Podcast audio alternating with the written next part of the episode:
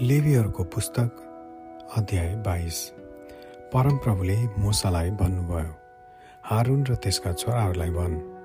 इजरायलीहरूले मेरो निम्ति चढाएका पवित्र थोकहरूका बारेमा तिमीहरू होसियार रह र मेरो नाउँ अपवित्र नगर्नु।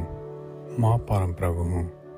तिनीहरूलाई भन् तिमीहरूको कुनै पुस्तामा पनि यदि कोही अशुद्ध मान्छे इजरायलीहरूले परमप्रभुलाई अर्पण गरेका पवित्र थोकहरूका नजिक गयो भने त्यस मान्छे मेरो सामुन्नेबाट बहिष्कृत हुनेछ।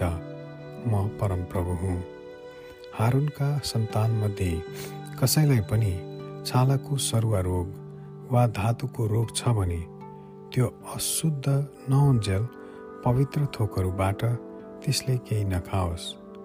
लास छुने धातु रोगीलाई छुने घस्रने जीवजन्तुलाई छुने र कुनै पनि अशुद्धता भएको मान्छेलाई छुने मानिस साँझसम्म अशुद्ध रहोस्। त्यसले आफ्नो शरीर नघोन्जेल पवित्र थोकहरूबाट नखाओस्। सूर्य अस्ताएपछि मात्र त्यो शुद्ध हुनेछ। त्यसपछि त्यसले पवित्र थोकहरूबाट खान सक्छ किनभने त्यो त्यसको भोजन हो। आफै मरेको अथवा जङ्गली पशुले फहराएर मारेको जन्तु खाएर त्यसले आफूलाई अशुद्ध नपारोस्। म परमप्रभु हुँ। पुजारीहरूले मेरा आज्ञाहरू पालन गरून् नत्र त तिनीहरूले मेरा आज्ञा घृणा गरेको कारण तिनीहरू दोषी भएर मर्लान्।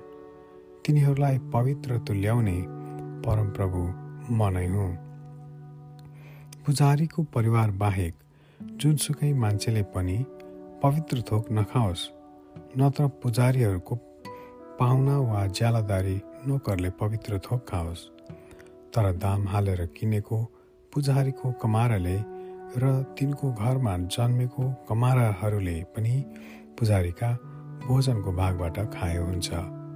पुजारीकी छोरी अरू कुलको कुनै पुरुषसित विवाह भएकी छे भने त्यसले कुनै पवित्र भेटीहरूबाट नखाओस्।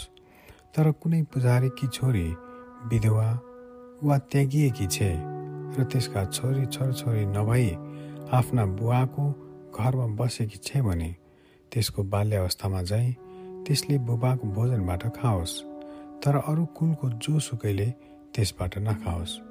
कुनै मानिसले थाहा नपाए पवित्र थोकबाट केही खायो भने त्यसको पाँचौँ भाग थपेर त्यस पवित्र थोकको भर्ना पुजारीलाई देओस्। इजरायलीहरूले परमप्रभुलाई चढाएका पवित्र थोकहरू पुजारीले अपवित्र नपारुन्। पुजारीले पवित्र भेटीबाट मानिसहरूलाई खान नदेऊन् नत्र त तिनीहरूले आफ्नो अधर्मको दोष र दण्ड भोग्नेछन्।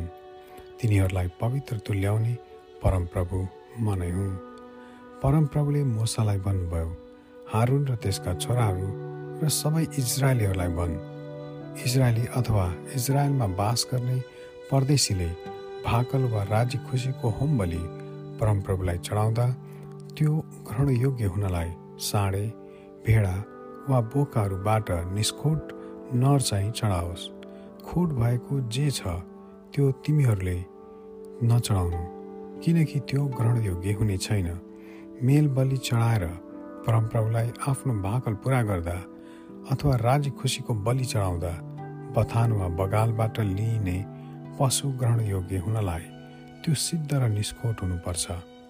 अन्धा चोट भएका अङ्गभङ्ग भएका मुसा वा पाकेको घाउ भएका यस्तालाई तिमीहरूले परमप्रभुको निम्ति अग्निहोमको रूपमा वेदीमा नचढाउनु।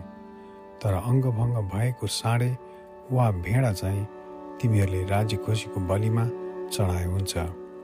तर भाकलको बलिमा चाहिँ त्यो ग्रहणयोग्य हुने छैन। जुन पशुका अन्ड कुच्याइएका वा चुर पारिएका फोरिएका वा चिरिएका हुन्छन् त्यो परमप्रभुको निम्ति नचढाउनु। तिमीहरूको देशभरि नै त्यसो गर्नु निषेध छ। कुनै परदेशीबाट लिएर पनि यस्तो कुनै पशु परमेश्वरको भोजन स्वरूप नचढाउनु। तिनीहरूमा भएका अङ्गभङ्ग र खोटले गर्दा ती तिनीहरूका निम्ति ग्रहणयोग्य हुने छैनन्। परमप्रभुले मोसालाई भन्नुभयो बाछा वा भेडाहरूका पाठा बिहाएको सात दिनसम्म त्यसकै माउसँग बसोस्। आठौँ दिनदेखि त्यसलाई आगोद्वारा बलि गरे त्यो परमप्रभुमा ग्रहणयोग्य हुनेछ। गाई अथवा भेडीलाई त्यसको पाठा समेत एकै दिनमा नमार्नु। तिमीहरूले परमप्रभुको निम्ति धन्यवाद बलि चढाउँदा त्यो ग्रहणयोग्य हुने गरी चढाओ।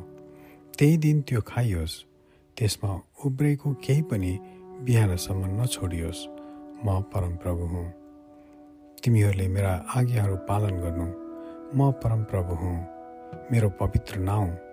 तिमीहरूले अपवित्र नगर्नु। इजरायलीहरूले म पवित्र छु भनी स्वीकार गरून्। तिमीहरूलाई पवित्र गराउने र तिमीहरूका परमेश्वर हुनलाई तिमीहरूलाई मिश्रबाट निकाली ल्याउने परमप्रभु म नै हुँ। म परमप्रभु हुँ। आमेन।